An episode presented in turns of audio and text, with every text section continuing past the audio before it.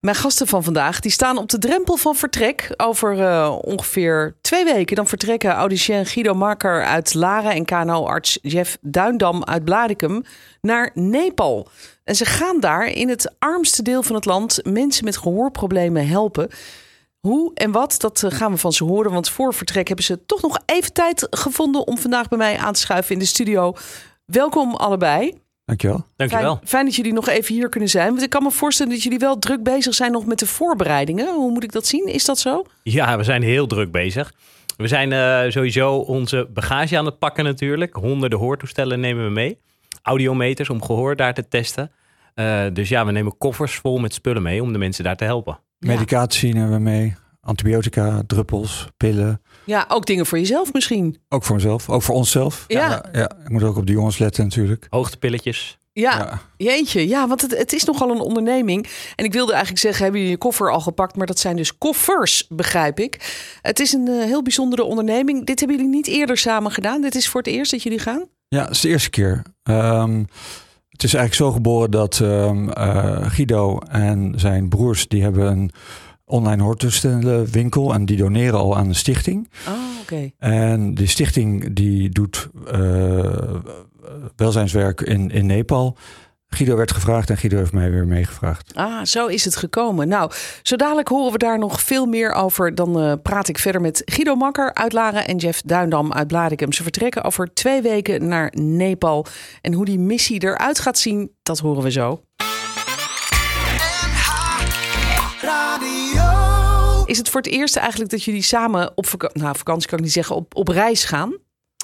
Nou nee, we hebben één keer eerder een weekendje weg samen gehad. Uh, Jeff en ik houden alle twee heel erg van motorrijden. Dus wij zijn een keer een motorrit gaan maken. Maar echt een reis zoals nu naar Nepal, dat we twee weken onderweg zijn, dat is de eerste keer, ja. Ja, en hoe zijn jullie met elkaar in contact gekomen? Hoe, hoe kennen jullie elkaar? Um, nou, ik ben kanoarts in Hilversum en uh, Guido is audicien. En dat heeft natuurlijk een raakvlak. Mensen met uh, slecht gehoor komen in principe bij de audicien voor het aanmeten van een hoortoestel. En uh, zo hebben we op een gegeven moment elkaar uh, leren kennen. Ja, en hoe ontstond toen het idee om samen naar Nepal te gaan? Je vertelde net al even iets over een ja. organisatie waar jullie bij betrokken zijn. Dat is eigenlijk al, al een aantal jaren geleden ontstaan. zoals we al zeiden, we hebben een winkel in Laren. En daar hebben we een klant, Nelke. En Nelke is de oprichter van stichting Child Welfare Organization Nepal.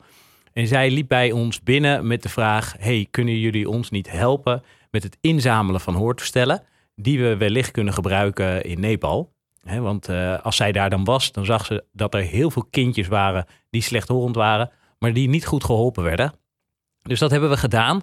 En na een aantal jaar zei ze tegen mij: Zou je het niet leuk vinden om een keer met mij mee te gaan?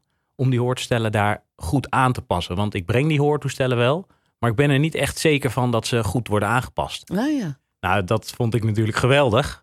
Maar dat was in 2020. Nou, het verhaal daarna kennen we allemaal. Ja, er kon even niet meer gevlogen worden in nee, elk geval. even niet. Ja. Maar dat heeft er wel voor gezorgd dat ik erover ben gaan praten. Uh, dat ik er met Jeff over ben gaan spreken. Um, en met mijn jongste broer Gijs. En dat er groter en groter en groter werd. Ja, en je broer Gijs, zit, die, die zit ook in de zaak bij jullie, hè? Ja, mijn jongste broer Gijs is ook audicien. Ja. Hij heeft een winkel in Soest.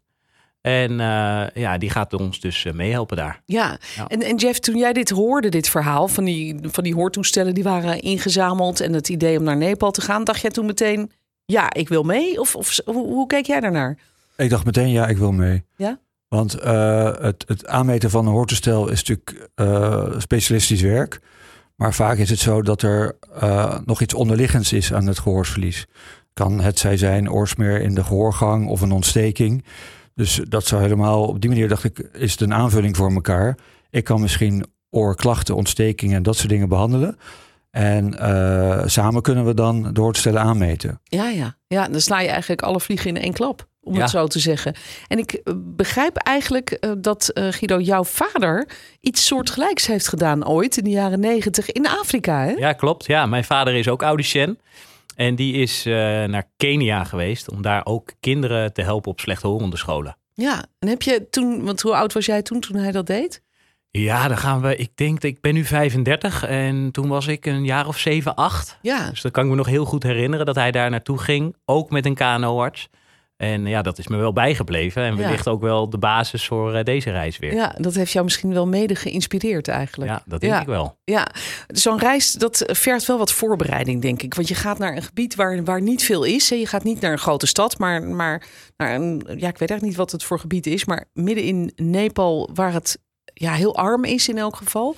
Wat, wa- waar is het precies waar jullie heen gaan? Ehm, het is een gebied wat ligt eigenlijk in de streek Chitwan. Chitwan is een eh, gebied met een jungle.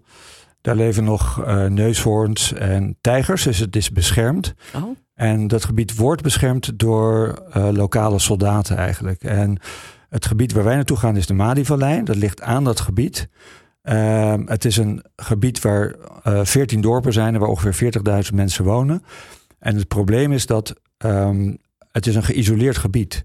Die mensen kunnen bijna niet door, die, door het beschermde gebied heen, omdat het beveiligd is. Vaak wordt ze dan aangezien voor stropers of, of, of andere mensen. Je hebt een permit nodig, dus die krijgen ze niet. Dus ze kunnen niet naar ziekenhuizen toe op afstand. Er is geen elektriciteit. Er zijn nauwelijks voorzieningen voor schoon water. Eh, en, en dat is het gebied waar we naartoe gaan om die mensen daar te helpen. ja, maar dat lijkt me dan gelijk ook voor jullie wel lastig. Als er geen elektriciteit is, geen water. Ja, dat is een hele grote uitdaging. Want ja, we hebben elektriciteit nodig hè, om hoortesten uit te voeren. Maar Ja. ook om die hoortstellen goed in te kunnen stellen. Ehm, dus wat we meenemen is ook een aggregaat. eh, die dan weer niet te dichtbij kan staan natuurlijk. Omdat we voor die gehoortesten een situatie nodig hebben, net als hier, die geluidsdicht is. Dus we zijn nu met allerlei dingen bezig om hele lange verlengsnoeren, zodat die aggregaten ook op een grote afstand staat. Zodat we de gehoortesten die we doen wel nauwkeurig zijn. Jeetje, ja, daar moet je inderdaad even goed over nadenken van tevoren. Ja, het, wordt dus eigenlijk een heel konvooi. Jullie gaan niet met z'n tweetjes met een paar koffers. Nee, Nee, we nou, gaan met z'n vieren sowieso. En dan is daar nog een lokale KNO-arts met een verpleegkundige. En die verpleegkundige heeft ook een tolkfunctie. En we nemen iemand mee, eh, Steven, die eh, gaat alles vastleggen op eh, foto en video. Ja. Die gaat ook meehelpen. Oh, oké. Dus daar kunnen we dan misschien later, als jullie terug zijn, kunnen we daar dan misschien een mooi filmpje van verwachten. Dat we dan misschien ook weer bij ons op de website kunnen plaatsen. Ja. Om te laten zien wat jullie Absoluut. gedaan hebben daar. Ja. Hey, we praten er zo even over verder. Maar ik begrijp dat jullie ook nog een, een, een inzameling begonnen zijn voor waterputten. Hoe, hoe is dat dan gekomen? Ja, dat is eigenlijk gekomen omdat er heel veel mensen in onze omgeving zeiden van... hoe kan ik nou mijn steentje bijdragen? Aha. Ik wil ook iets doen. En toen moesten wij eigenlijk elke keer neven kopen. Hè, want we verzamelden hoortoestellen in, maar als mensen die niet hadden. Zeiden we, laten we nou gewoon van de situatie gebruik maken. En ook een doneeractie. hè, eh, Doneeractie.nl. Ga er vooral heen. En zoek dan op Goed Horen voor Nepal.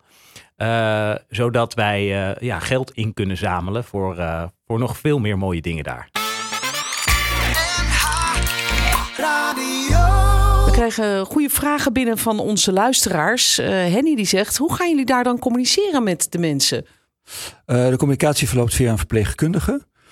Die komt er naartoe. Dat is een Nepalese verpleegkundige. Die spreekt eh, goed Engels en Nepalees uiteraard. Ja, Dus op die manier gaan we onze uitleg geven over hoor een hoortstel te gebruiken. Hoe bijvoorbeeld oordruppels met antibiotica te gebruiken. ja dat, En dat is nog best ingewikkeld. Ja. Ja.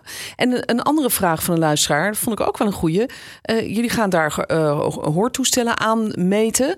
Eh, maar hoe komen de mensen dan aan batterijen voor die gehoorapparaten? Goeie vraag. Ja. Midden in de jungle, waar helemaal geen elektriciteit is. ja, sowieso hebben we al rekening gehouden met het type hoortoestel. eh, en ervoor gezorgd dat het bijna allemaal hoortoestellen zijn die een batterijtje hebben die een aantal weken mee kan gaan. Dus eh, hier in Nederland zie je nog wel hoortoestellen die eh, een batterijtje hebben die maar een week meegaan. Maar ze zijn er ook een stukje groter. Cosmetisch gezien wel wat minder mooi. Ehm, maar die batterij gaat veel langer mee. Dus wij zorgen in ieder geval dat elke slechthorende daar voor minimaal een jaar aan batterijen meekrijgt. En dan na dat jaar, hoe dan? Nou, je hebt daar allemaal lokale kantoortjes, die zijn gesubsidieerd door de overheid, waar mensen met problemen eh, en weinig geld zich kunnen melden. En die lokale kantoortjes, die worden voorzien van extra voorraad batterijen. Dus als die op is, kunnen mensen zich daar melden voor de batterijen. Oké, goed zo. En, en daarna gaan jullie misschien nog wel eens een keertje weer terug. Hè? Dan eh, gaan we verder wel, kijken. ja. ja. Want, want ik begrijp dat het een gebied is waar blijkbaar veel gehoorproblemen voorkomen. Hoe, hoe kan dat? Hoeveel mensen hebben daar dan last van en hoe kan dat? Um, nou, in heel Nepal zelf heeft 16% van de populatie heeft gehoorproblemen. En in het gebied waar wij naartoe gaan, uh, zal het aanzienlijk hoger liggen. Ik denk rond de 30 procent. En met name bij kinderen. 30 procent? Ja. 1 op de drie? Ja, dat heeft te maken met uh, eigenlijk de, de primaire voorzieningen die er niet zijn. Zoals wat we eerder zeiden, water, schoon water. Um, maar over het algemeen is het zo dat die gehoorproblemen kunnen ontstaan eigenlijk tijdens de zwangerschap van de moeder. Uh, of dat het daarna verworven is. En tijdens de zwangerschap van de moeder moet je denken aan moeder die roodvonk krijgt. Of die een periode uh, uh, niet goed eet. Dat heeft allemaal consequenties voor het gehoor en voor de afweer van kind later. En de verworven oorzaken zijn natuurlijk de ontstekingen. Oorontstekingen zijn eigenlijk de grootste oorzaak van gehoorsverlies. Op latere leeftijd ook? Of, of als kind Met name jonge leeftijd. Oh, ja. En dat wordt vaak niet erkend. Ze kunnen natuurlijk niet ergens naartoe voor, voor hulp. Uh, uh, en, en de medicatie hebben ze gewoon niet. Nee. Jij bent ook gespecialiseerd, begrijp ik, in, in gehoorproblemen bij kinderen. Jij, jij ook. Waar, waar komt die fascinatie vandaan? Het is natuurlijk voor kinderen heel erg, hè, denk ik, als, als ze minder goed horen. Ja, of, zeker, of doof zijn zelf. zeker in onderontwikkelde landen is het zo dat, dat um, een, een, een handicap wordt gezien. Um, um, wordt niet empathisch op gereageerd, laat ik het zo zeggen. Uh, in onderontwikkelde landen is het zo dat kinderen vaak ook worden gediscrimineerd als ze niet goed kunnen horen. Het heeft consequenties voor de taalspraakontwikkeling, voor de sociale interactie met andere kinderen uiteraard. Uh, en dus later voor, voor financieel-economische consequenties heeft het voor kinderen. En het probleem met niet goed horen is, is dat, dat het is een handicap die je niet ziet. Kijk, als je niet goed ziet, je ziet dat iemand blind is. Ja. Um, of een uh, zware bril op heeft. Of, nou, je, je kan er wel iets ja, met van merken. merk je niet altijd. En die kinderen nee. worden dan thuisgelaten. Die krijgen geen educatie, voor zover er educatie is. Dus die raken echt in, van de regen in de drup. En, en daarom vind ik het zo belangrijk, en Guido ook, om juist op kinderleeftijd in te grijpen, zodat je die taalspraakontwikkeling misschien weer op, op, op, op niveau kan brengen. En dat heeft natuurlijk consequenties voor de educatie en voor de latere sociale, economische positie van ja, de kinderen. Ja, eigenlijk voor de rest van hun leven. Ja. Uiteraard, ja. ja. Je kan echt verschil maken. Ja. En uh, ja, dat is wat we willen doen. Vooral daar in Nepal, wat gewoon kansarm is. En als wij het niet doen, dan heb je kans dat deze kinderen gewoon wellicht nog tien jaar zonder hoortstellen lopen. En dat heeft ontzettend veel consequenties voor de rest van het leven. Ja, ja ze bouwen een enorme achterstand op. Ze raken in isolement. Je kunt het je helemaal voorstellen. Ja. Ja, dus gaan jullie daarheen? Um, uh, gaan jullie uh, die kinderen helpen, maar ook volwassenen met uh, gehoorproblemen? Zeker. in twee weken tijd. Jullie krijgen het denk ik heel druk daar, want er zullen vast heel veel mensen op jullie al staan te wachten, bij wijze van spreken, als jullie aankomen. Wat, ja. wat denken jullie? Wat verwachten jullie daarvan? Nou, het is de 400 en 500 man en die, die komen vaak al een dag van tevoren. Die hebben er dan echt uren over gedaan om naar ons, ons healthcamp te komen. Dus dat zal best heel indrukwekkend zijn als wij aankomen dat er uh, misschien al een paar honderd man staan te wachten. Dus dat wordt echt even aanpoten. Maar uh, het geeft denk ik heel veel inspiratie en heel veel energie. Ja, tot slot, jullie hebben ook geld ingezameld via een crowdfunding voor waterputten. Uh, vertelde je net. Wat kost een waterput en hoeveel waterputten willen jullie daar laten bouwen? Nou, de, hetgeen wat we gaan doen, de, de audiologische en otologische zorg, uh, om het zo maar te zeggen. Dat, dat is natuurlijk iets voor, voor nu op dit moment. Maar we dachten op een gegeven moment na van hoe kunnen we nou zorgen dat de conditie van, van mensen en kinderen verbetert. En dat begint natuurlijk bij schoon en, en uh, uh, gewoon drinkwater. Ja, ook om te voorkomen dat er ontstekingen. Dus het gaat een preventieve werking ja, ja. vanuit. Eén waterput kost 500 euro om die te slaan. En um, we willen er 40 laten slaan. Zo. Ja, dan kunnen we dat gebied redelijk goed. dus jullie hebben 20.000 euro nodig. 20.000 euro nodig. Ja. En is dat er al? Is dat al binnen? Nou, we zijn er bijna. We zitten op, ik dacht 18.000 euro nu, dus we zijn er bijna. Ja. Maar uh, ja, we hebben ook wel gezegd van, hè, als we op die 20.000 zitten, dan stoppen we natuurlijk niet. Want uh, hoe meer waterputten, hoe beter. Zo is het. Goed, nou, als mensen willen bijdragen, waar kunnen ze dan kijken? Want er komen heel veel reacties binnen van luisteraars die ook iets willen doen. Ja, dan gaan ze naar doneeractie.nl en dan zoek je op Goed Horen voor Nepal. En daar, uh, daar zie je onze crowdfunding. Oké, okay, dank dat jullie hier waren. Heel veel succes met, met jullie reis, met Dankjewel. jullie mooie missie. Dank je. Ja, dankjewel.